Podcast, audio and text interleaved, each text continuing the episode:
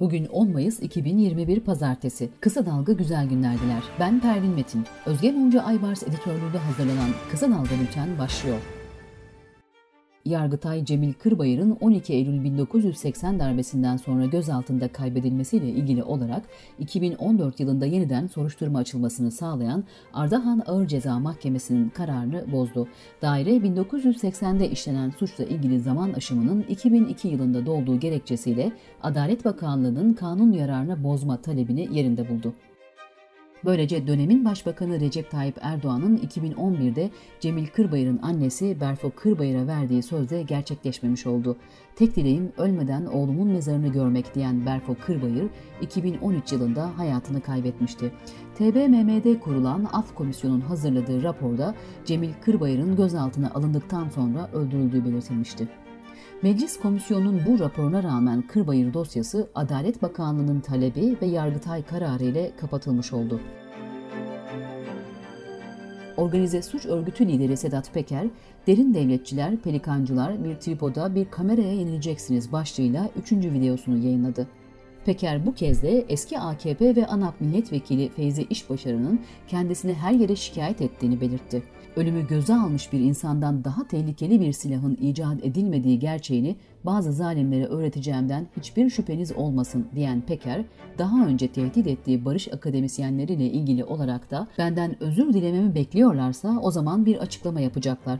O zaman ben normal özür de dilemeyeceğim ya hayvanlık etmişiz hakkınızı helal edin diyeceğim dedi.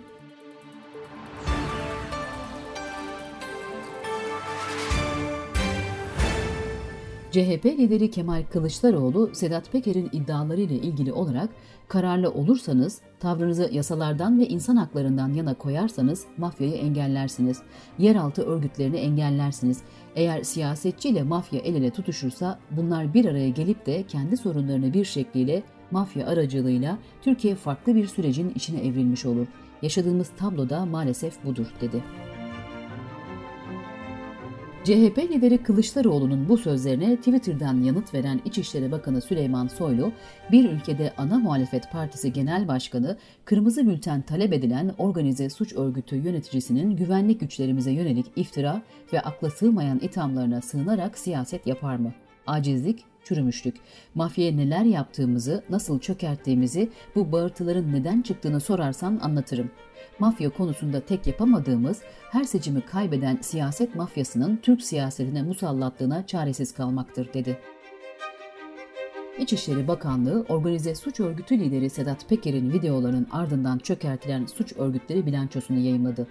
Açıklamada hakkında kırmızı bülten talep edilen organize suç çetesi sözde yöneticisi SP dönem dönem çeşitli iletişim mecraları aracılığıyla iş insanıyım bu işlerden çekildim demesine rağmen yine organize suça yönelik faaliyetleri tespit edilmiştir. Konu adliyeye sevk edilmiş ve neticesinde bu süreç operasyona dönüştürülmüştür denildi. Sedat Peker'in yayınladığı video ile hedef gösterdiği eski AKP ve ANAP milletvekili Feyzi İşbaşaran Twitter'dan Peker'e yanıt verdi. Türkiye'de polis olmadan mafya olmaz. Polisin kanatları altında yıllarca çetecilik faaliyetlerinde bulundun, sana mafyada denilmez. Ve dünyadan haber başlıkları.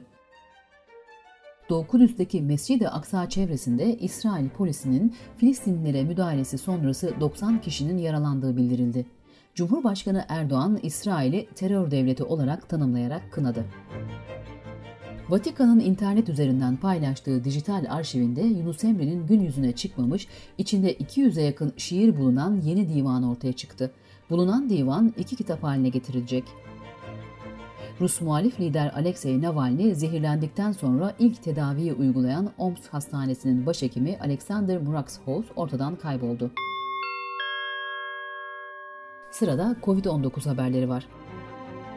Türkiye'de koronavirüs nedeniyle 283 kişi daha hayatını kaybetti.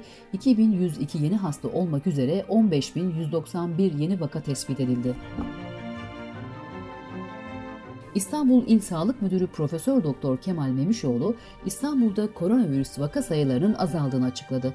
Memişoğlu vaka sayısında %34, yatan hasta sayısında %25, yoğun bakımda tedavi gören hasta sayısında ise %21 oranında haftalık azalma olduğunu bildirdi.